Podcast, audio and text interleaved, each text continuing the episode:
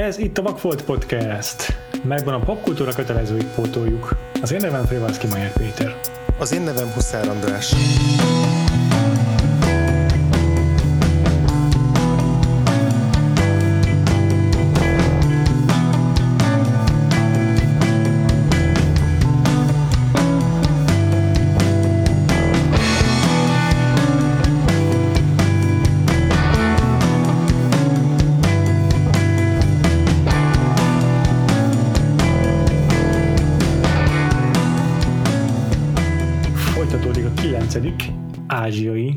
Évadunk. És elhagytuk Hongkongot a múlt héten, és átutazunk egy másik országba, Tajvanba, viszont maradunk ugyanannál a főszereplőnél, ugyanis Tony Leung velünk tart most már, immár harmadik hete uh-huh. ö, ö, megszakítás nélkül. Igen, ez egy ilyen rö- rögtönzött Tony Leung trilógia lett így a, azzal, hogy bejött egy plusz John Woo film, ami ami nem volt betervezve, amiben ő volt a főszereplő, és én meg nem is tudtam, hogy a ma tárgyalt filmünknek is ő a főszereplő egészen addig, amíg múlt héten a Varga Feri nem említette a podcastben. Igen, és Úgyhogy, úgyhogy nem ezért választottuk ezt a filmet, de, de tök jó, hogy így, így tá- támad egy ilyen meglepő folytonosság.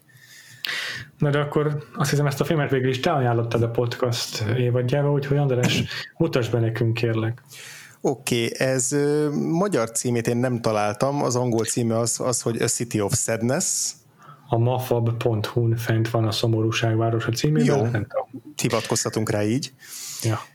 A Szomorúság városa, és ez egy, tajva, egy tajvani rendezőnek, Ho Xiaoxiannek a, a hát ez egyik ilyen nagy nemzetközi áttörést hozó filmje 1980. Triple H. 1989-ből. Nem ez az első filmje, tehát ő már, ő már egy jó ideje dolgozott a, a tajvani ö, filmiparban, de... Magyarul mondom inkább Xiao Xian. Aha, lehet.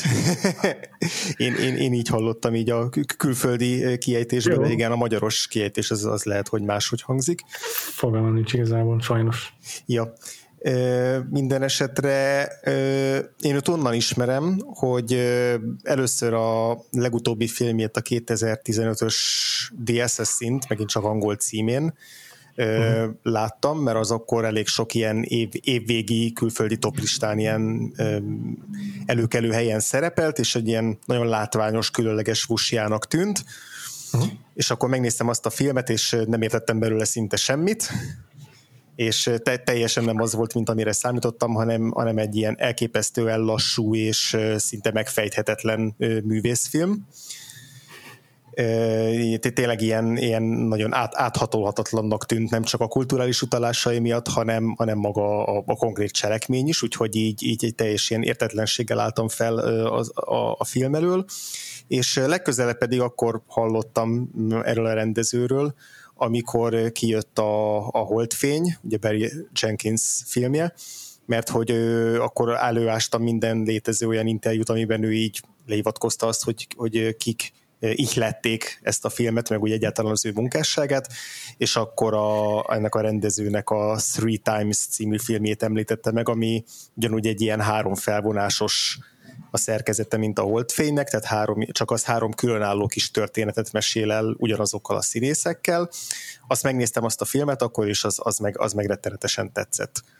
Uh-huh. Úgyhogy, úgyhogy ekkor kezdtem el úgy tapogatózni, még azóta megnéztem egy harmadik filmjét, és a Millennium Mambót, ö, de, de mindenképpen aztán, aztán amikor beszéltünk erről az, erről az ázsiai évadról, akkor ki akartam szemelni még egy olyat, ami, ami nekem se volt meg, meg neked se, és akkor, amikor utána néztem, akkor ezt a filmjét írták, mint, mint egy ilyen meghatározó mesterművét, ami Belencében elnyerte az aranyoroszlánt, és, és így szélesebb körben is így megismertette ezt a rendezőt a nemzetközi közönséggel. Már amennyire széles körű ismertségről beszéltünk szerintem ennél a rendezőnél, mert ő az, az idei évadunkban biztos, hogy ez egyik legobskurusabb név, de lehet, hogy így a Vakfolt egész történetét egybevéve is így a legkevésbé ismert rendezők közé tartozik. Már Találtam róla egy darab magyar nyelvű blogbejegyzést, a kritikus tömegen nulla vélemény van a filmről, az IMDb-n 12 vélemény van róla. bármilyen nyelven. És ráadásul csak a YouTube-on sikerült megtalálnunk, egy eléggé rossz minőségben, tehát nem, igazából nem, nem tudom, hogy kiadták-e valaha ezt ennél, ennél jobb, mint én DVD vagy Blu-ray minőségben, de itt szerintem ez egy ilyen kb. ilyen tévés, tévés változat lehetett, vagy 360p-be van fel. Igen, tévéből, mindenki kellően homályos, igen. Ha esetleg van olyan hallgatónk, aki úgy nézi ezt, hogy hallgatja az adást, hogy amúgy nem látta a filmet, de kíváncsi rá, akkor nem tudunk olyan megoldást javasolni, ami élvezhető minőségben megtekinthető. Igen. Az egyetlen szerencsé, hogy legalább egy jó angol felirat volt hozzá. Tehát így legalább értettük, ja. hogy mit mondanak a szereplők. Abszolút, kivéve amikor rosszul volt időzítve, és le kellett állítani, mert mindig tud olvasni, mert négy sort tette bele egy táblába. Igen. De, de ezek már apróságok voltak, szóval az biztos, hogy ez hmm. így, ez volt az egyik ilyen leg, szerintem legrandomabb mély fúrása ennek a, ennek a mostani podcastnek, úgyhogy így fel is tenném a kérdést, Péter, hogy így, hogy így me- megérte egy ilyen teljesen teljesen hát nem azt mondom, hogy ismeretlen, de, de, de obskurus filmet beválogatnunk. Egyáltalán te mit tudtál erről előzetesen, tudtál-e bármit, vagy így abszolút szűzen álltál hozzá? Szűzen álltam hozzá, igen de úgy voltam vele, hogy a rendező nevét azt ismertem én is az általad emlegetett The Assassin című film miatt, és ez meg tényleg annak a filmének tűnt, ami talán a leg, leg leginkább mesterműként értékelt az egyébként elég sok mesterművel tarkított filmográfiájában. Uh-huh. És uh, itt a történelmi háttere az uh, hamar kiderült számomra, hogy ez egy történelmi korszakot feldolgozó film, és akkor úgy gondoltam, hogy igen, a Vakfordban szoktunk olyan darabokkal foglalkozni, amelyek ilyen kontextuális szempontból rohadt fontosak. Uh-huh. Vagy nem is tudom, hogy mondjam, de hát a, a, a, tehát nekünk ez a vakfolt, az néha így tágabban értelmezzük, és nem csak azért vakfolt egy film, mert már nagyon régóta meg akarjuk nézni, hanem arról is szó van, hogy így adjon már egy kulturális hátteret nekünk, egy kulturális uh, közeget teremtsen számunkra egy olyan világról, amelyben, amely nekünk alapvetően egy vak volt. Uh-huh. Igen. Tehát ilyenre már azért több példa volt szerintem a Vakva podcastban, hogy így néztünk meg egy filmet, és akkor ez végül is szerintem belefér ebbe a kategóriába, de amúgy sokat gondolkodtam rajta, hogy ezt most beválasztottam volna, hogyha hogyha amúgy tudom, hogy milliónyi olyan ázsiai film van, ami sokkal ismertebb, és ugyanúgy nem láttam. Ja, igen. De nem bánom, hogy megnéztem, mert, mert nagyon sok mindenhez lehet kötni az évadunkban. Tehát így egy, egy általános uh, ilyen uh, nem tudom, párhuzamokat lehet felfedezni az én más alkotókkal, ami, ami sokat számít. Uh-huh. Egy Tony Leung miatt is. Mm. Szóval nem, nem érzem kidobott időnek. Megterhelő film és nehéz film, és kb. kétszer kell megnézni ahhoz, hogy igazán be tudja fogadni az ember. De nem, nem érzem kidobott időnek, meg nem érzem azt, hogy, hogy nincs helye az évadunkban. Te hogy vagy vele? Én is hasonlóképpen vagyok, ez az eddigi Horsausen filmnézési mm. élményeimnek így valahogy nem tudom a, a mértani közepén helyezkedik el, mert mert...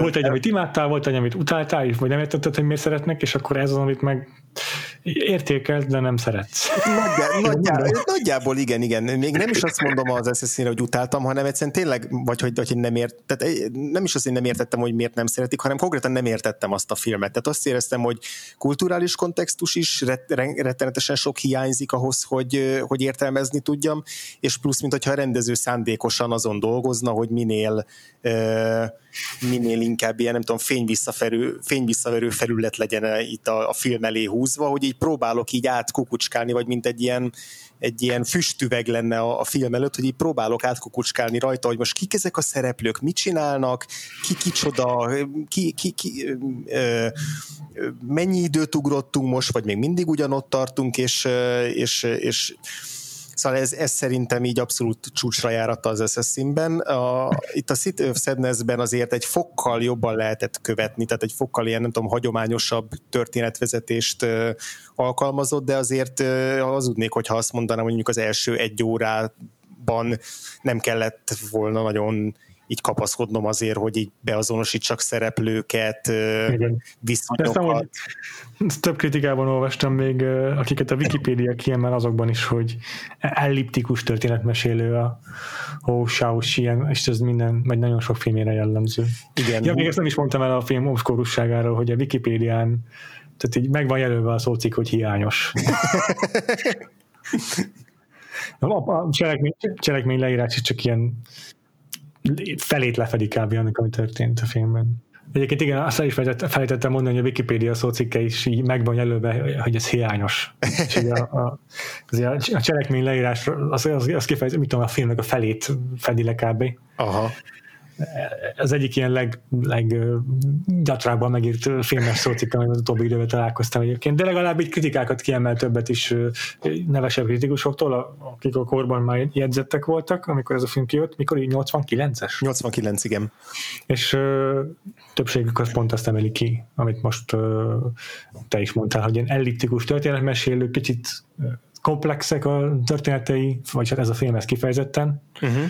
és hogy nem könnyíti meg a befogadását a Xiao történeteinek. Igen, nagyon-nagyon kevés információt árul el úgy, hogy így olyan információkat, amikre mondjuk szükségünk lenne, hogy így eligazodjunk a, a szereplői viszonyokban, vagy a, vagy a, a magában a cselekményben. Tehát, hogy így tényleg legszélsőségesebb módon ő így ráhagyja a, a nézőre, hogy így megfejtse azt, hogy, hogy tényleg, hogy ki kicsoda, és hogy pontosan ö, mi történik. Én meg szeretek úgy nekiülni filmeknek, amiket így beválogatunk, és amikor mondjuk előzetesen nem tudok sokat, csak azt, hogy fú, ez nagyon érdekel, hogy akkor direkt nem olvasok előre semmit hozzá, hanem akkor hagyom, hogy így a, ha már nem tudok róla sokat, akkor hagyom, hogy a film így maga ö, tárulkozzon fel előttem, és ez itt lehet, hogy egy picit megbosszulta magát, mert már ha már csak egy mondjuk két soros szinopszist elolvasok, ami leírja azt, hogy itt van három testvér, és akkor az ő hármójuknak a története, meg az ő családjaik története a 1940-es évek második felének Tajvanjában, akkor már egy hangyányival közelebb kerülök a, a, ahhoz, hogy így élvezni tudjam mondjuk a film első felét, mert igen. A, a nyitó jelenetnél én konkrétan azt hittem, hogy a, hogy a nyitó jelenet után, ami egy kisbabának a születése, én azt hittem, hogy utána ugrottunk egy időt, és annak a kisbabának a történetét fogjuk majd látni. Nem tudom, hogy ez, ez, ez, ez miből gondoltam, de hogy próbáltam így a, ezeket a hiányokat így kitölteni azonnal, és aztán csak később jöttem rá, hogy ja nem, akit az elején láttunk az apaként, akkor az az egyik testvér, szóval... Ja, én itt így, így kb. ott, ahol a ahol mondod, hogy azon a ponton a filmet fogtam és leállítottam, és akkor elolvastam a Wikipédián, hogy mi a szinopszis, hogy jobban megértsem. Igen, igen, igen. Pedig, pedig még néhány, néha mondjuk a film elején ki is ír egy, egy ilyen történelmi adatot, tehát ott, ott, ott, ott még, még az se igaz, amit az előbb elmondtam, hogy nem ad semmilyen információt, mert ott leírta, hogy akkor 1945-ben Japán, amikor kapitulál a második világháborúba, akkor ezzel a tajvani több évtizedes megszállás is véget ér, és Tajvan visszakerül Kínához. Tehát, hogy így ad ilyen történelmit fogódzókat ilyen egy, egy-két mondatban, de, de úgy tűnik, hogy ez se volt elég ahhoz, hogy így mm. tudjam követni a, a, az eseményeket. Úgyhogy tényleg kb. az volt az egyetlen, ami így megvolt, hogy na igen, ő Tony Leung, jó, akkor legalább egy valami, egy valami megvan. hát igen, nagyjából igen. De azért foglaljuk már össze a cselekményt, hát ha más is kedvet kap ahhoz, hogy megkeresse ezt a filmet, ha máshol nem, akkor a YouTube-on. Uh-huh. Hát ezt lehet foglalni a cselekményt egyáltalán valahogyan? Mindegy, a történelmi kontextust ezt biztos el tudjuk mondani. Igen, tehát ugye, mint mondtuk, Tajvanon játszódik, 1945 és kb. 49 között. Ez az az időszak, amikor véget ér a már említett japán megszállás. Ugye Tajvan az japán fennhatósága alá tartozott, hmm. 1910 valamennyitől, és, és utána pedig ugye nem, nem, nem önállósodott, nem független lett, hanem visszakerült Kínához, ahova, ha jól tudom, ezzel a japán megszállás előtt tartozott, és, és akkor gyakorlatilag ez annak a pár évnek a története, amikor a Kínában akkor regnáló Kuomintang el, gyakorlatilag megszilárdította Tajvanon a hatalmát, ami különböző tüntetéseknek és felkeréseknek a véres leverésével és megtorlásával is járt, tehát ez egy ilyen terror időszaka Tajvannak, és aztán Igen, azért... Ez a ezt úgy nevezték, hogy fehér terror, és ez a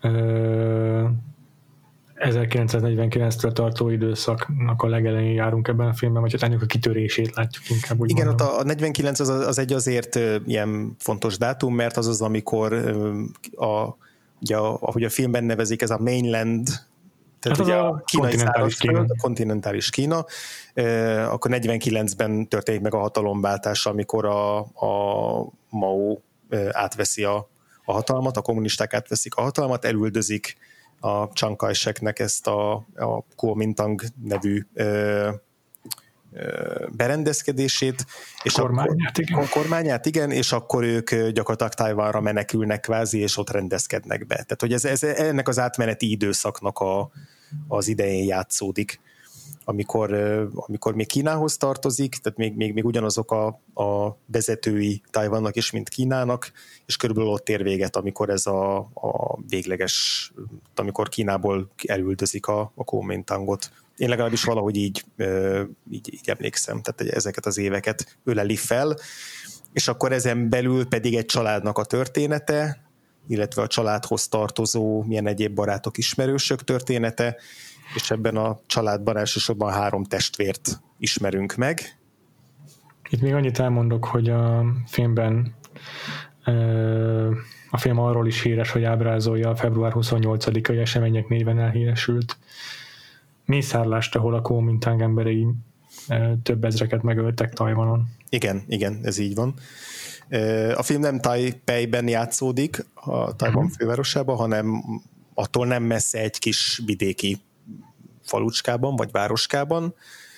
Ott él ez a, a, a család, akinek a három testvér, testvér tagját követjük. Volt egy negyedik testvér is, ő a Fülöp-szigeteken eltűnt.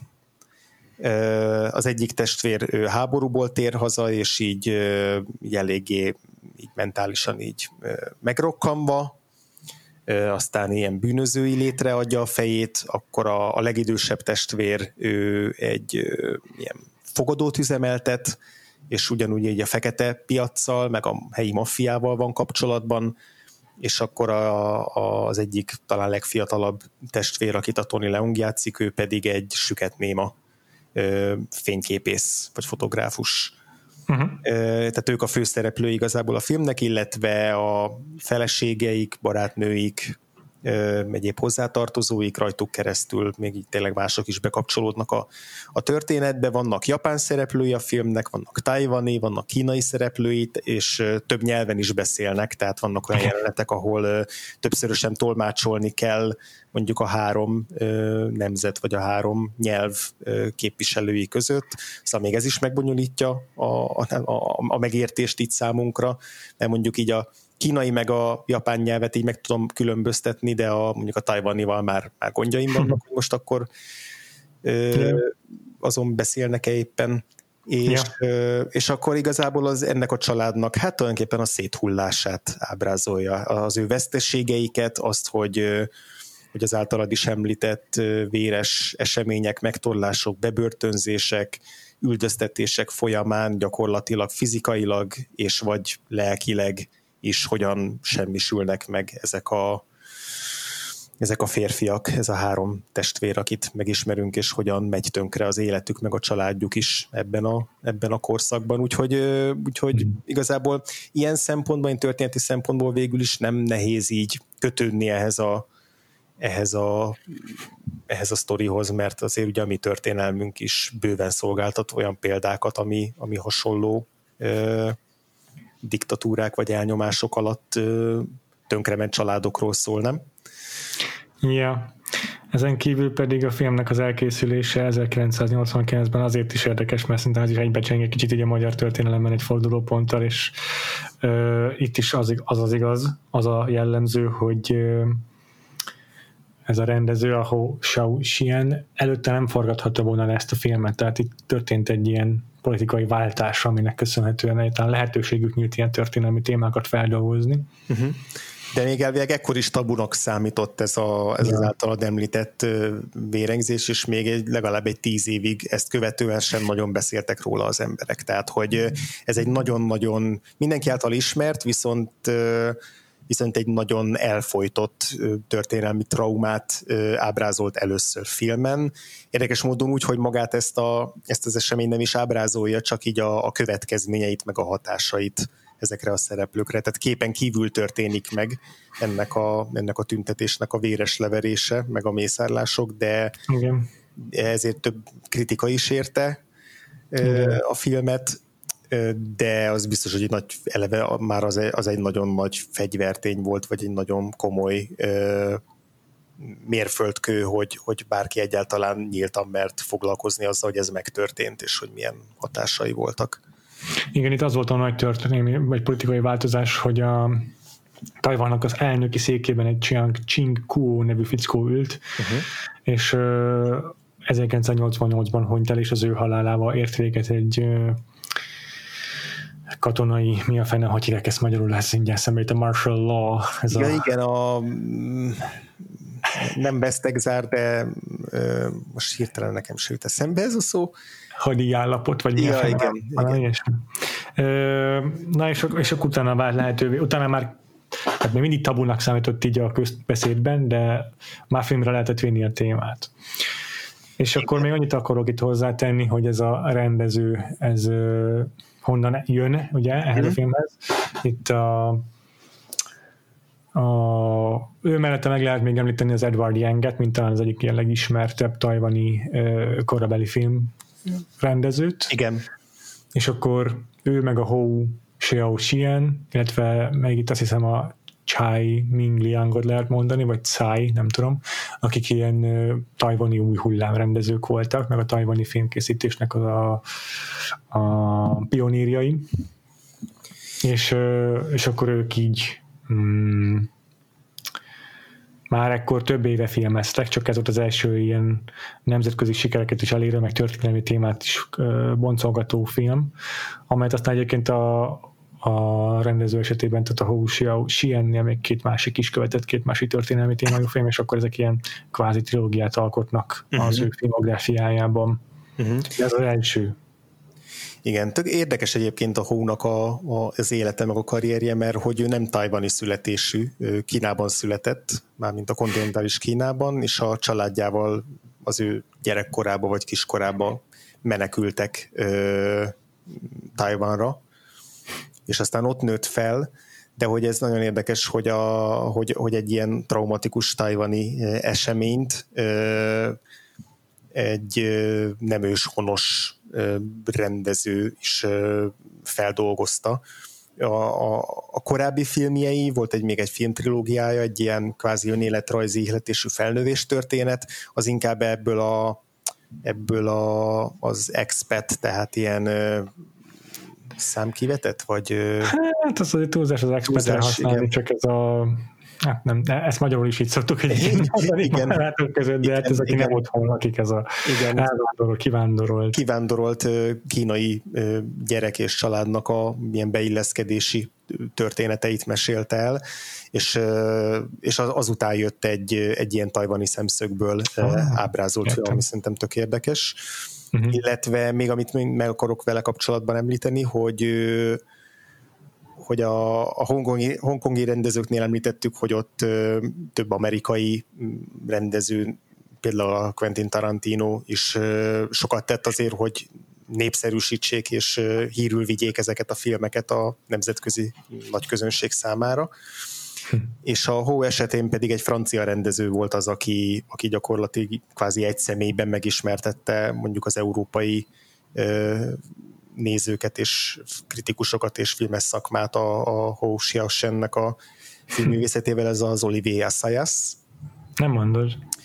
A 90-es évek közepén azt hiszem 90-es években ő ilyen nagy ázsiai filmmániás volt, rengeteget foglalkozott vele, és ő akkor még a Cahiers du Cinémába írt filmkritikákat, újságíróként kezdte, és, és ott cikkezett sokat távol-keleti filmekről, többek között a, a Hónak a, a filmjeiről, illetve egy dokumentumfilmet is rendezett, amiben így együtt utazgat Tajvanban a, a Hoshia Shennel, és közben így beszélget a, a filmjeiről. A, most, amikor kim voltam a berlini filmfesztiválon még évelején, akkor beültem a Olivia Sayasnak és a Claire Denis-nek egy ilyen beszélgetésére, és ott szóba került az, hogy a Claire Denis ott így megköszönte így a, az a Sayasnak azt pontosabban így kiemelte, hogy így tényleg a francia rendezők, kritikusok, filmesek nem ismerték volna meg ezeket a rendezőket, például az Edward Youngot vagy a Ho Xiaoxiant, hogyha nem tűzi az ászlajára az Olivia Sayas azt, hogy, azt, hogy hogy, hogy itt vannak ilyen mesterművek, amiket nem ismer senki, és akkor ő behozza, meg ír róluk, meg, meg, meg nyomatja ő a, a, a filmes szaklapokba. Szóval, mm. hogy, hogy ez, ez valószínűleg nagyon sokat segített azért, hogy egy a művészfilmes szakmában megismerjék ezeknek a rendezőknek a, a nevét. Ez azért érdekes, mert ha jól tudom, akkor Young, meg talán a Hu Xiaoxian is, francia, tehát külföldön tanultak és francia filmes sulikban tanultak, de az biztos, ha ez nem is igaz így pontosan, akkor az biztos, hogy a francia új hullám inspirálta őket nagyban. Uh-huh. Tehát én láttam interjút a Hóval, ahol többen kérdezgetik a Truffautról, meg a Godardról is, és hogy így szereti a jump cutokat, mint ahogy a Godard. De ebben a filmben szóval annyira nem értem tetten, de el tudom képzelni, hogy más filmjeiben jobban kihasználta ezeket a filmnyelvi elemeket. Hmm, ja, ja az is érdekes, hogy így összehasonlítva mondjuk a hongkongi blokkunkkal, hogy kvázi egy időben mennyire teljesen más utat követett ez a, ez a két ilyen új hullám, vagy ez a két ilyen friss rendező, és ilyen friss rendezőknek a, a egy ilyen generációja, hogy ugye a Hongkongban 80-as években, ahogy a Bosztri Feri is mesélte nekünk, így teljes egészében rámentek arra, hogy nagyon közönségbarát filmeket készítsenek, akár végjáték, akár akciófilm, hmm. akár busia, tehát direkt olyan közönségfilmeket gyártottak, amik így az amerikai blockbusterekkel vették fel a versenyt, és itt Taiwan meg minthogyha nem tudom erre válaszul, vagy nem tudom, hogy mennyire volt erre válasz, és mennyire csak a saját történelmi kontextusból gyűrűzött ez ki, de hogy ezek a tájvani rendezők, akikről beszélünk, és még Engli is, aki már egy következő nemzedékhez tartozik, de ők hmm. mind inkább ilyen nagyon emberi, naturalista, realista, ugye történelmi valóságba beágyazott művészfilmeket készítettek, családtörténeteket, tehát hogy még az egyik oldalon van egy nagyon erőteljes ilyen közönségfilmes vonal, és mondjuk ott egy ilyen kivételnek számít a Von hmm. a, addig, addig itt Taiwanon pedig, pedig kifejezetten ezt a fajta, ilyen nem tudom, neorealista filmkészítést yeah. követi mondjuk az Edward Young is, meg a, meg a Hou Xiaoshen is. Szóval érdekes, hogy ezek kettő így párhuzamosan Igen. fut, és mint hogyha így ugye két különböző igényt elégítenének ki, de valószínűleg kevésbé arról szólt, hogy a tajvani rendezők megnézték a hongkongi filmeket, és akkor na, ezzel nem veszük fel a versenyt, inkább ilyet csinálunk, hanem inkább arról lehet szó, hogy, hogy ezek a témák jobban ö, ö, motiválták azokat a rendezőket, akik itt kinőtték magukat. Ja, ja, ja, tök érdekes, igen. Um, akihez még mindenképpen muszáj kötnünk, ha már így emlegetted a Vakfoltnak az évadján felszedett tudásunkat, uh-huh. az Ozu szerintem. Uh-huh. Ez a film, ez tiszta Ozu. Igen, ami tök érdekes, mert hogy a, hogy a, a, a Hou azt mondta, hogy ő nagyon sokáig egy, nem látta az Ozunak a filmjeit. nem tudom, hogy ez 1989-ben is igaz volt-e, erre, erre nem találtam információt, de hogy azt mondta, hogy igen, mindenki az Ozu filmjeivel hasonlítja össze, de hogy, de hogy, de hogy viszonylag későn ismerkedett meg az ő filmművészetével. Tehát egy későbbi filmje, a Café Lumière, az egy az egyben egy Ozu omázs vagy Ozu előtti tisztelgés, de az már szándékosan. Tehát, hogy addigra már biztos, hogy ténylegesen nézett Ozu filmeket, és akkor azt mondom, hogy jó, megcsinálom a saját Ozu filmemet, de elméletileg ez a City of Sadness erre azt mondta, hogy ez még nem az Ozu filmekből táplálkozik, hanem ugye inkább a kínai melodrámákból és a, ugye a kínai filmeknek a sajátosságaiból, vagy a már emlegetett ilyen európai művészfilmekből, pedig, pedig tényleg szerintem annyira nem tudom, egyértelműek a párhuzamok nélkül is, hogyha nem szándékosak. Ja, ja. Még ezek akkor, ez kicsit beszéljünk erről, kezdjük ezzel. Oké, okay, jó.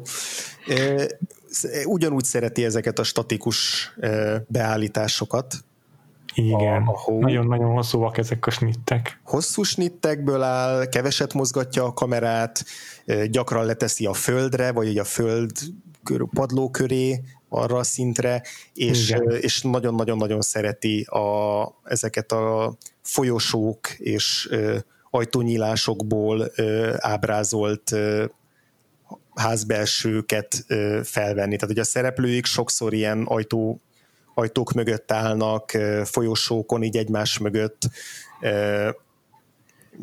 lakásbelsőkben úgy vannak elrendezve, mint ahogy az Ozu használta ezeket a, ezeket a, ezeket a házbelsőket. Nekem ez, ez tűnt fel így először.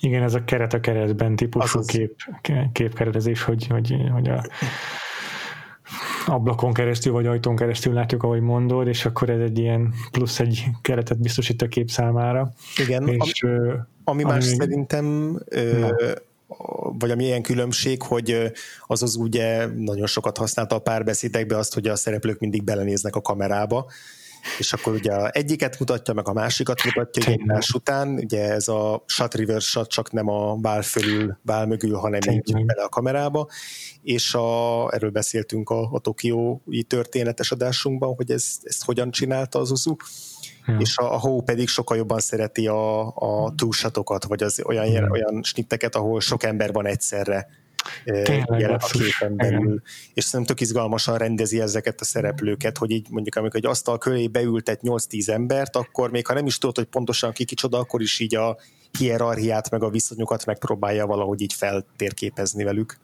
Abszolút. Igen. És ö, leginkább ez az, ami szerintem mm, egyedi a Hau-nak a stílusában, ezek a borzasztó hosszú dinamikus párbeszédes jelenetek, mert, mert, mert sokszor ezek ilyen mozgással is járnak, tehát nem csak ülnek egymással szemben a szereplők, és akkor beszélnek perceken keresztül, mint az Uzunál, hanem sok a helyváltoztatás, meg, meg a, a, azért a mozgás, amennyire limitáltan, de a kamerán belül, és az is extra szerintem nála, vagy az is egy különleges mm, jellemzője az ő képeinek, hogy sok rétegből állnak azon kívül is, hogy a kereten belüli keretet meg szerkeszti az a hú, uh-huh. és így a, az előtérben beszél egy asztalnál négy-öt szereplő, de a háttérben még egy csomó minden történik, amik szintén fókuszban vannak, vagy jól látszódnak legalábbis. Igen, tőle még filmünk jutott eszembe erről, meg viszonylag régen láttuk az Aferim, az a, a román film, Aha. annak is ilyen olyan tablószerű képei voltak, ahol így a, arra emlékszem nagyon tisztán, hogy így, hogy így tényleg az előtérben, háttérben is folyamatosan itt történnek dolgok, és, és figyelni kell a kép mélységére is, és, és ugyanígy nagyon sok ilyen statikus felvétellel dolgozott, az ugye egy jóval későbbi román film. Igen, tök jó. Hát is arra is igaz ez a fajta neorealizmus, tehát azért ezek ilyen, ezek ilyen neorealizmusra összekapcsolódó dolgok lehetnek. Igen, ezek egy pár, beszédben vannak e, e, egymással ezek a, ezek a filmek. És amit még olvastam, azt majd szintén a Vagfolt podcasthoz kapcsolódik, de majd a jövőbeli adásaink egyigéhez, úgyhogy nem tudom megerősíteni, csak azt olvastam, hogy, hogy a, hasonlít a, a, a, a, a Picsatong Vira Szetakulnak a rendezésére is, amit Hou csinál. Igen, Bugni Nagy bácsi filmje. Igen, figyelj, már büszke, büszke vagyok arra, meg te is büszke lehetsz arra, hogy a nevét ki tudtad mondani, most már a hosszú filmcím az majd egy következő adásban annak majd nekivághatsz. Értünk, leghosszabb adása lesz, és csak a rendező nevét és a filmcímét mondjuk el benne majd. Így van. Na szóval ez a rendező az, akinek a filmjeihez, filmjeihez még hasonlították a hót, hogy mindketten ilyen nonlineáris időkezelést használnak, meg uh-huh. realisták ilyen érzelmi értelemben, meg társadalmi értelemben egyaránt. Ezt a Redditen olvastam. Aha. És Mm, erre a filmére talán kevésbé jellemző hónak, de hogy amit láttam a másik filmjeiből az az, hogy nagyon gazdag színpalettával dolgozik ő is általában. Igen, itt elgondolkoztam azért azon, hogyha ezt, ezt, ezt remasterelnék ezt a, a filmet, hm. vagyis ezt felújítanák és kiadnák rendes Blu-ray-en, akkor valószínűleg jobban előugranának, hogy azért ebbe is a, a színválasztás az, az azért szerintem eléggé erőteljes, legalábbis egy-egy olyan felvétel, vagy egy olyan snittet megfigyeltem, talán pont a, a legidősebb testvérnek a, a vendéglőjében vannak olyan ablak, ilyen színes ablaküvegek, amiken ilyen különböző színekkel süt be a fény, és ugye ezen a ócska minőségű YouTube-os felvételen vagy verzióban ezek mindén nagyon tompán hatnak, úgyhogy inkább csak hogy mögé képzeltem, hogy ez vajon milyen lehe, lenne rendes, rendes jó minőségű képbetítésen, vagy, vagy képen. Yeah. Mert amúgy yeah. igen, azok a, a többi filmje, amit láttam ott az Assassinben is, de a, a Three Times-ban is azért nagyon erőteljes a, a, a képi világa, tehát tényleg a szín, színválasztásai azok azok ilyen nagyon emlékezetesek. A Millennium Mambóba így a, a neonfényekkel játszik rengeteget, ez ugye egy modern történet, modern korba hmm. játszódó ilyen fiatalokról, ilyen kiüresedett fiatalok szerelmi története, és ott, ott már a nyitó jelenetben is egy ilyen, nem tudom, talán metró alagútba így vonul a főszereplő, és akkor ott ilyen villódzó neonfényekkel játszik, tehát hogy, hogy nagyon erős a vizualitás, ez valóban ebben a filmben kevésbé szembetűnő talán.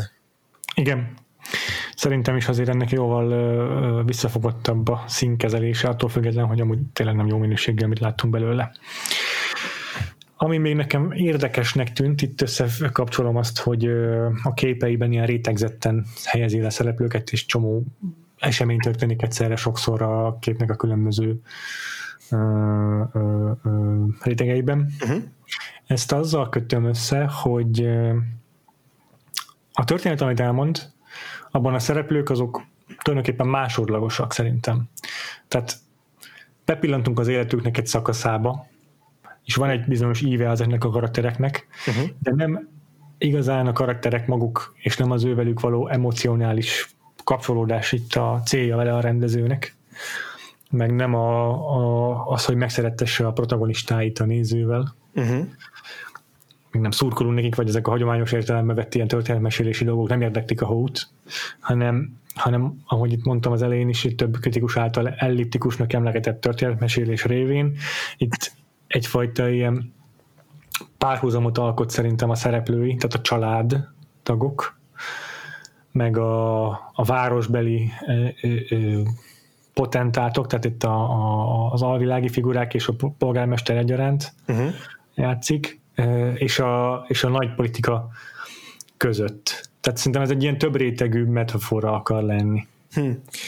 Igen, ez, ez, ebben abszolút van valami, és, és ez így meg is magyarázza azt, hogy tényleg ez a szereplőkhöz miért nem nehéz közel kerülni, mert nem mondom azt, hogy nem foglalkozik velük ilyen karakter szinten, meg nem ábrázolja így a, az ő lelki folyamataikat, de, de már csak a kamera kezelés miatt is van egy olyan általános távolságtartás.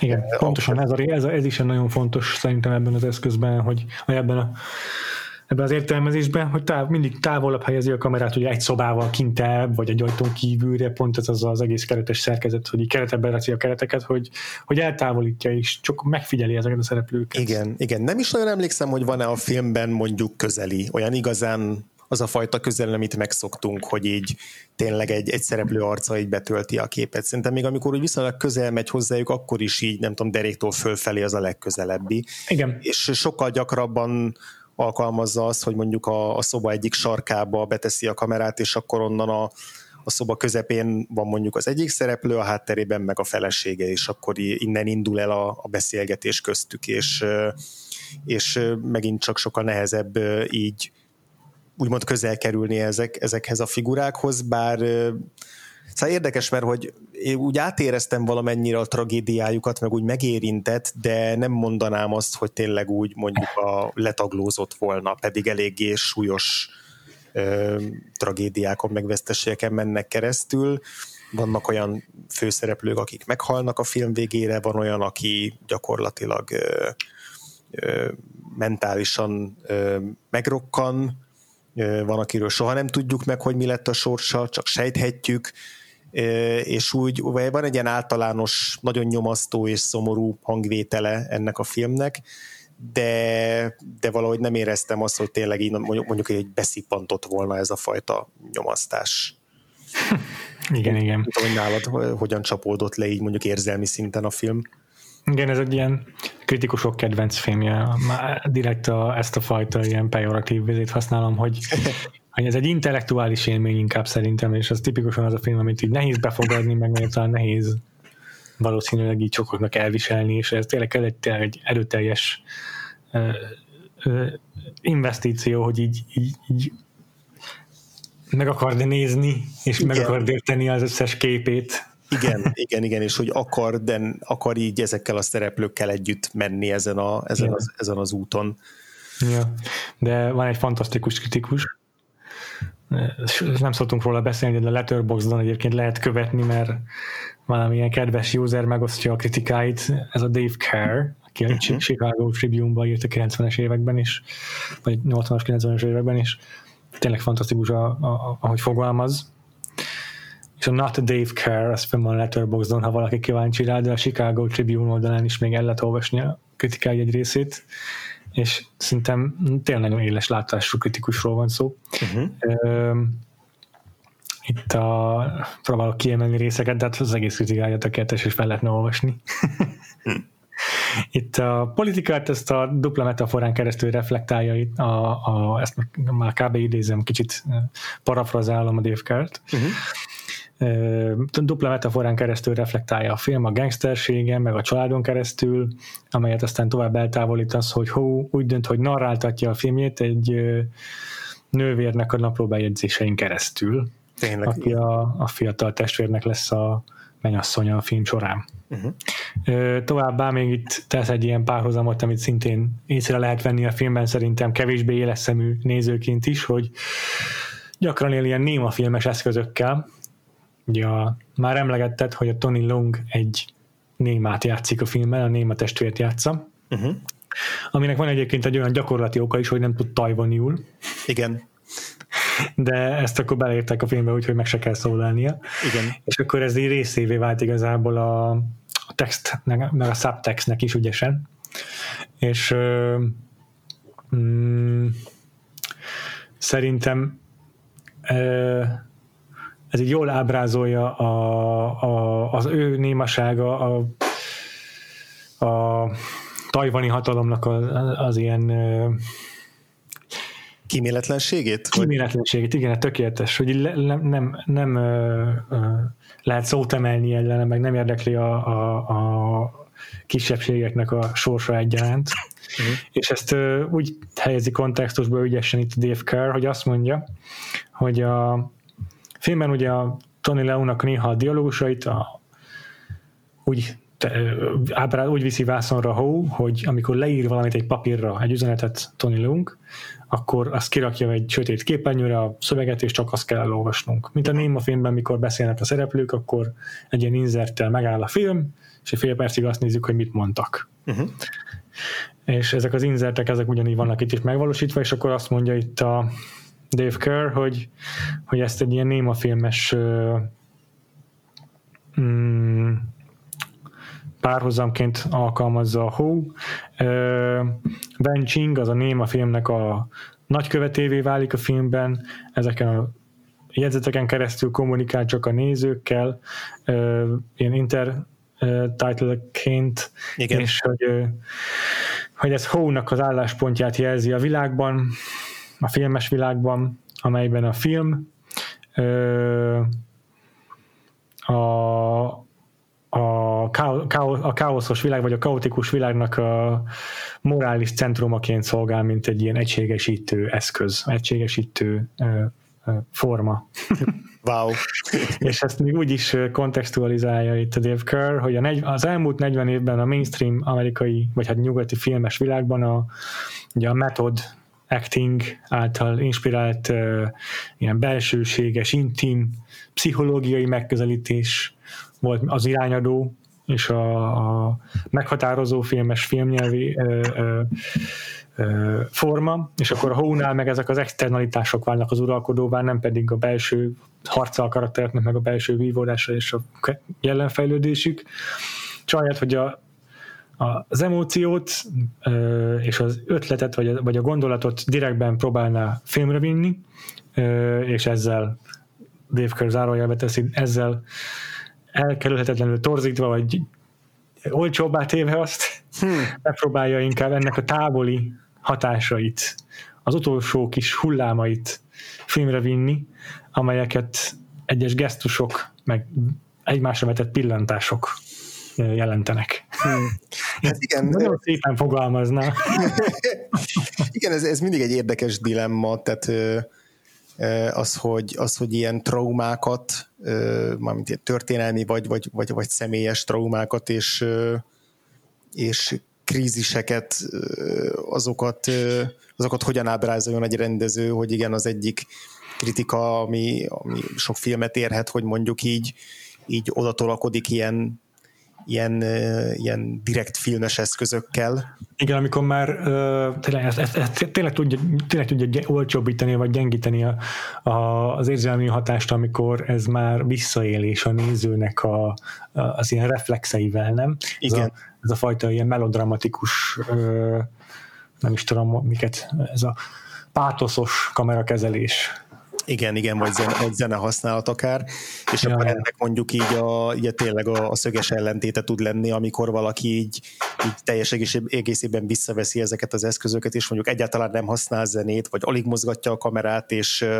mm. és nem is nagyon akar a szereplőknek a, a lelkébe belemenni. Egyszer egy rendezővel beszélgettem, aki aki pont egy olyan témát, egy ilyen, ilyen nem erőszakkal és abúzussal kapcsolatos témát dolgozott fel a filmjében, és ő, ő, ő nagyon határozottan amellett érvelt, hogy hogy nem, nem, nem szabad ilyen témában ilyen hatásvadász olcsó eszközöket alkalmazni, és sőt a pszichológi, tehát kifejezetten azt mondja, a pszichológizáló eszközöket tehát az ilyen lélek, nagyon okos, nagyon okos. lélektani nem tudom, ábrázolásokat is hagyni kell a francba, és hogy, és hogy távolságtartó, már, már ilyen hideg szemtelenséggel fölvéve csupán ábrázolni ezeket a, ezeket a, a folyamatokat, vagy ezeket az eseményeket, anélkül, hogy, hogy így mondjuk így a szereplőknek a, a, az érzelmeit, vagy, a, vagy a, a, a motivációit meg akarná fejteni. És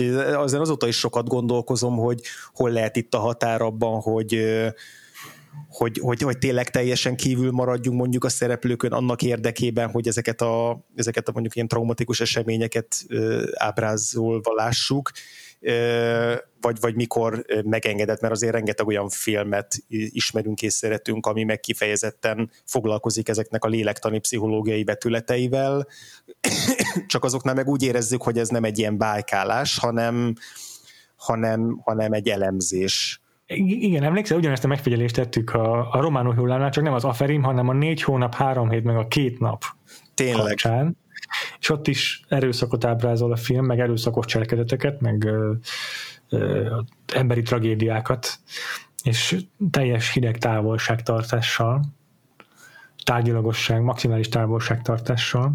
És mégis el tudja pont, azt, hogy maximális empátiát érezzünk a szereplőkkel. És, és teljesen kiborul a néző. Én is, meg te is emlékszem, hogy, hogy ki voltunk attól a filmtől.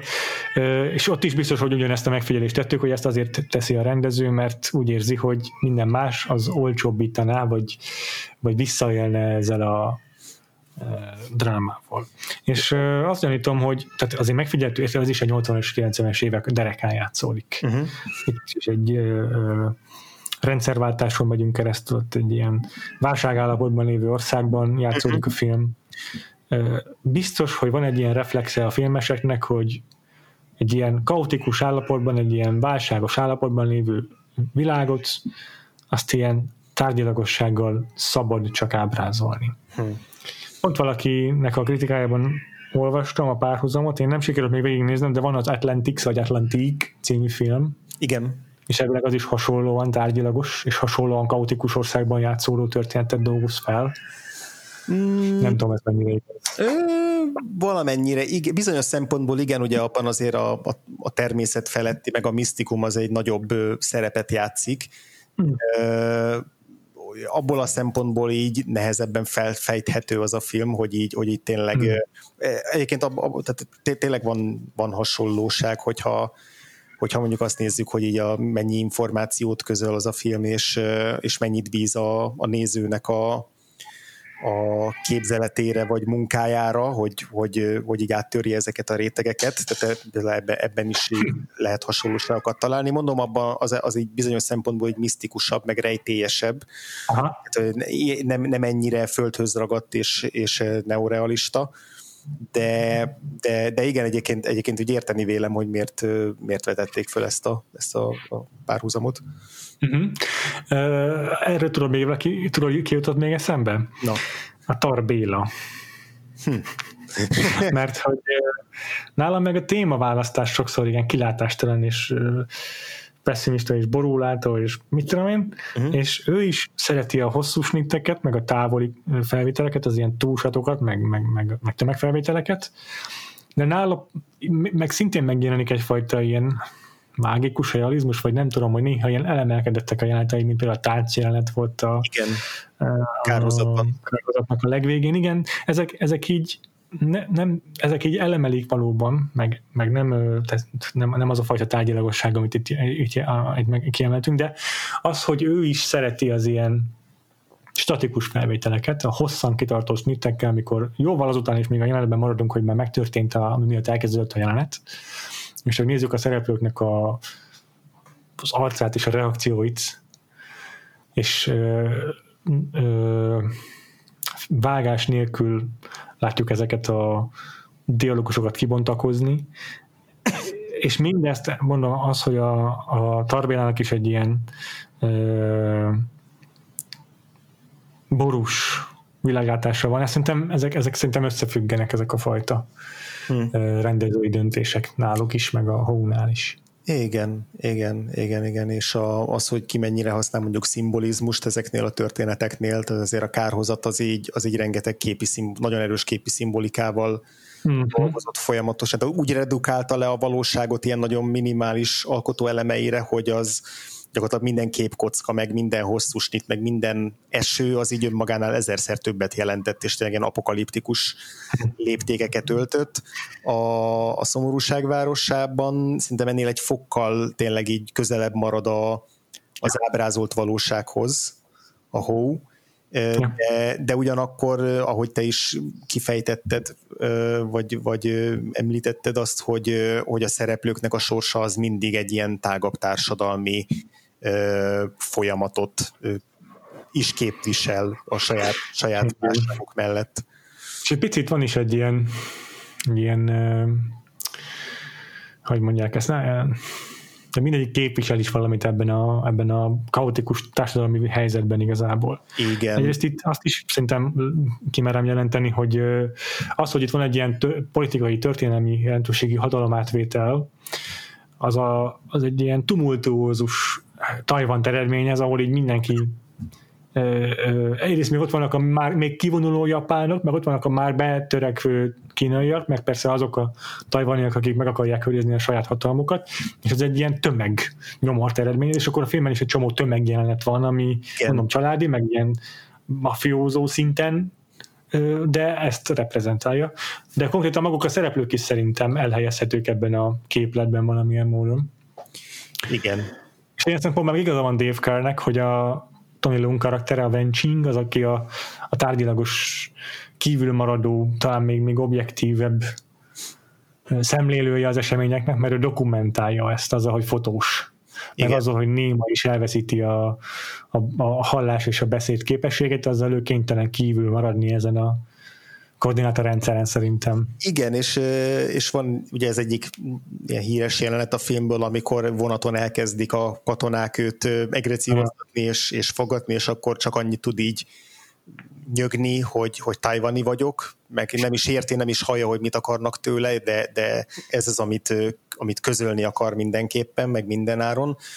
És aztán később pedig a kezdetben csak barátja, aztán menyasszonya és végül felesége, ez a japán lány, az ő testvére, aki ilyen szabadságharcos lesz, ilyen gerilla, hmm. aki így elmenekül az, a, a hegyekbe, és ott így oktat, meg, meg harcol a függetlenségért, vagy a szabadságért hogy van egy hmm. jelenet, amikor felkeresi őt, és csatlakozni akar ehhez a küzdelemhez, és visszautasítja őt a, a, a barátja, aki igazából a legjobb barátja, egyrészt azért, mert hogy, a, hogy tudja, hogy a, a, a testvére ő szerelmes ebbe a férfiba, és hogy nekik együtt kéne lenniük, de másrészt az, az, azzal is érvel, hogy ő nem tartozik közéjük. És most Aha. lehet, hogy ez csak arra érvényes, hogy egy süket néma embernek így sokkal veszélyesebb lenne ö, ilyen hegyek között így bujdokolni, de hogy inkább valóban lehet benne egy olyan, olyan ö, egyfajta ilyen tényleg kívülállósága ennek a szereplőnek, hogy ő mindig sokáig kívül marad az eseményeket, de pont igazából a, a film befejezése meg azt mutatja, hogy ő se tud kívül maradni, és így őt is ugyanúgy utól tudja érni a, a, a rendszer. Yeah. Az egyik, talán a kedvenc jelenetem az egész filmből, az így tök jó szimbolizálja azt, amit az előbb mondtál, ezt a meg, meg, no. megfigyelésedet, hogy így milyen tumultuózus ez a film, és hogy ő mennyire kívül van rajta. Hogy van egy nagyon hosszú snit, vagy talán két snit. Az egyik egy ilyen asztal körüli nagy családi vita, uh-huh. amikor talán külföldről is érkeznek vendégek és barátok, és akkor együtt egy ilyen nagyon aktív politikai vitát folytatnak le arról, hogy most tajban éppen hol tart, és a polgármester, és Ja. Tehát egy ilyen hosszas vitát folytatnak, és a, és ketten rekednek kívül ezen a beszélgetésen, így egymással szembe ülnek az asztal két pontján, így többen ülnek közöttük, az egyik a, a, a Tony Leung karakter, a másik pedig ez a Hinomi, aki majd a felesége lesz. Hm. Egy, egyikük se csatlakozik be, be a párbeszédbe, ugye a Tony Leung azért, mert hogy ő csak így írásban tud kommunikálni, a Hinomi meg valószínűleg azért, mert hogy ő így japánként nem annyira tud, vagy nem annyira akar ebbe belefolyni, vagy, vagy nőként akár.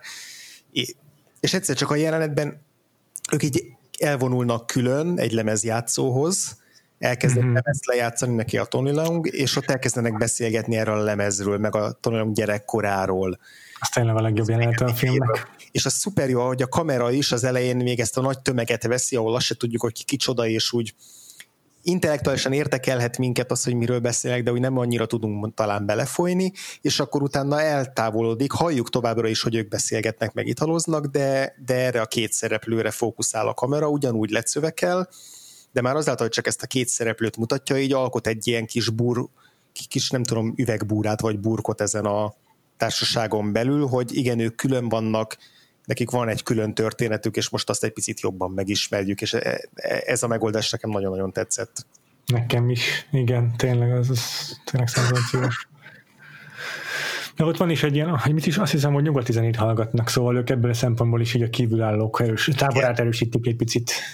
Uh, olvastam egy, egy interjú részletet a, a Hóval, amikor arról beszél, hogy így ez a fajta ilyen elliptikus történetmesélés, amit már is sokszor emlegettünk az adás során, hogy hogy miért szereti ezt, vagy miért alkalmazza ezt, és akkor egyrészt azt mondja, hogy neki az a fontos, hogy így a hiányt mutassa meg a képen belül, tehát a, hiába tumultózusak egy, egy, egyes jelenetek, de hogy így mindig valami hiányzik onnan, vagy, vagy van valami, valami üresség mondjuk egy nagy téren belül, vagy egy ajtón belül, amit ő, amit ő így fókuszba akar emelni, mert hogy ezzel a nézőnek úgymond szövetségre kell lépnie az alkotóval, hogy így együttesen így kiegészítsék, és így teljessé tegyék a, a snitteket, vagy a felvételeket. Hmm. És ő azt mondja, hogy ez egyfajta ilyen színekdohé is, ugye az az, az ilyen jelentésátvital, amikor a rész az az, az, az egészt jelenti, igen, ez az... a színek dohé azt szerintem jellemző itt a szereplőknek is az, arra, hogy mit reprezentálnak, meg a, igen, tehát erről beszéltünk már, hogy a család és a gangsterek is egy ilyen színek dohéként értelmezhetőek. Abszolút, igen, és hogy ő ezt, ezt abszolút szándékosan és direktben alkalmazza, és hogy ennek is ilyen kínai hagyományai vannak az ő uh elmesélése szerint. Uh-huh. És, és azt mondja, hogy hogy ez olyan, mint amikor egy kínai festő a, egy, mondjuk egy szilvafának az egyik virágját ö, festi csak le, és nem kell az egész fát lefestenie, csak elég azt, a, ezt az egy kis ágat és az egy kis levelet, mert, ö, mert hogy ez nem csak a, a, az ábrázolt ö, tárgynak a, a nem tudom, szimbolikus megtestesítője, tehát hogy így, hogy így teljességében így bemutatja, hanem, hanem a, a, azokat az érzéseket is tudja, azokat a benyomásokat is tudja tolmácsolni, amiket, amiket maga ez az egész fa ö, lenne képes, hogyha a valóságban látnánk, hmm. és, hogy, ö, és hogy az ember, a, a nézőnek a képzelő erejét ö, indítja ezbe, és hogy tényleg a, az a célja ezzel, hogy így, így egy ilyen aktív nézői részvételt ö, váltson ki, és a saját interpretációját így mindenki meg tudja ö, hozni. Ami hmm. valóban, tehát egy, egyrészt igen, tehát tényleg ennél a filmnél jó az, hogy így beindítja a mi képzeletünket, és munkára késztet minket, ö, és ö, és hogy így együtt tudunk egy ilyen élményt létrehozni, de nálam azért mondjuk ennél a filmnél így ez bizonyos pontokon így akadályba is ütköztem emiatt, ezt azért bevallom. Tehát, hogy, tehát, hogy nekem Persze, ez nem, nem teljesen sikeres ez a fajta ez a fajta módszer. Én nagyon értem és tisztelem ezt a megközelítést. Én néha tényleg azért hiányoltam, hogy jobban megismerjem a szereplőket, hogy úgy hogy ne csak egy történelmi vagy társadalmi folyamatnak a, a megtestesüléseit lássam bennük, hanem, hanem, hanem ilyen apró emberi pillanatokból, mondjuk, mint ez a lemezjátszós, hogy ilyenből úgy többet is szívesen láttam volna, de ezt elfogadom, hogy ez könnyen lett, hogy az én megközelítésemnek a hiányossága, és hogy megvannak ezek, lehet, hogy megvannak ezek a filmben, csak vagy én nem tudtam elérni őket. Nem ehhez vagyunk szokva szerintem, az biztos. Tehát nekünk így a, a hagyományosabb ilyen történetek, amik, amik, amik átfogó képet próbálnak nyújtani valamilyen társadalmi helyzetről, azok ilyen tablószerűek inkább, ahol minden szereplőnek megvannak konkrét szerepe, hogy kit ábrázol, mit ábrázol, mi a, mit reprezentál. Itt azért ezek egy réteggel még jobban el vannak vonatkoztatva szerintem, uh-huh. és nem is uh, ilyen, ilyen egyértelműek ezek a szerepek, hogy akkor a, a mit tudom én, a polgármester az minden reakciójában, minden viselkedésében megfeltethető a, mit tudom én, a teljes tajvani politikának, vagy ilyesmi, hanem azért uh, ilyen jóval kevesebb egyetvonással dolgozik annál a hau, hogy ezeket így ki lehessen jelenteni. Igen. És, és érdekes, hogy még a, a, a Tony Leung karaktere is, aki talán így a leg hát nem, nem tudom, hogy legrokon szembesebbnek nevezik. Uh-huh. Mhm. De, hogy, de hogy azért ő a központi karakter a filmnek, hogy még nála is azért azt éreztem, hogy, hogy ő inkább egy szimbólum, így az ártatlanságnak a szimbóluma. Aha, egy, ennek a fajta ilyen nemzeti vagy társadalmi ártatlanságnak, amit, amit könyörtelenül elpusztít a, a, az elnyomó diktatúra, és és hogy így, még az ő figuráját is így sokkal elnagyoltabbnak éreztem, mint, mint igazából bármelyik korábban taglalt Tony Leung karakter. Tehát, hogy nálam fura, fura mód talán ez így a leg, ez az alakítása tetszett a legkevésbé, Nekem is. Volt a legtöbb gondom, egy picit ilyen tényleg elnagyoltnak éreztem, túlzónak éreztem, ö, valahogy pont azokat a azokat az árnyalatokat, amiket a, a, a Chunking Expressben, vagy tényleg akár a Hardboltban is megfigyeltünk tőle, amik tehát két teljesen különböző kontextusban tudta megvalósítani. Itt valahogy, lehet, hogy pont azért, mert hogy minden annyira visszafogott és távolságtartó, itt az ő ilyen érzékenységét, azt így túl soknak éreztem.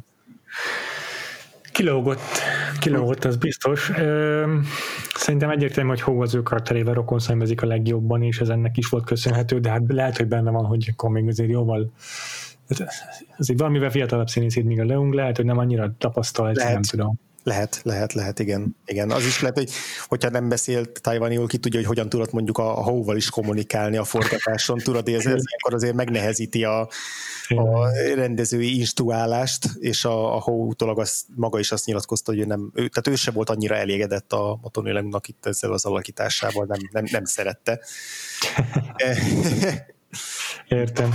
Milyen dolog még, hogy emlegetted az adás legelején, hogy a, arra, azzal könnyű azonosulnunk, hogy mi is voltunk már hasonló történelmi helyzetben.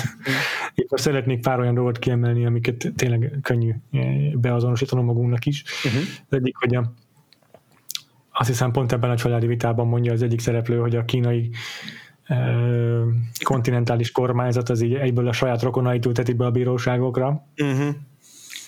Így jelentős pillantásokat vetek a mikrofonomra.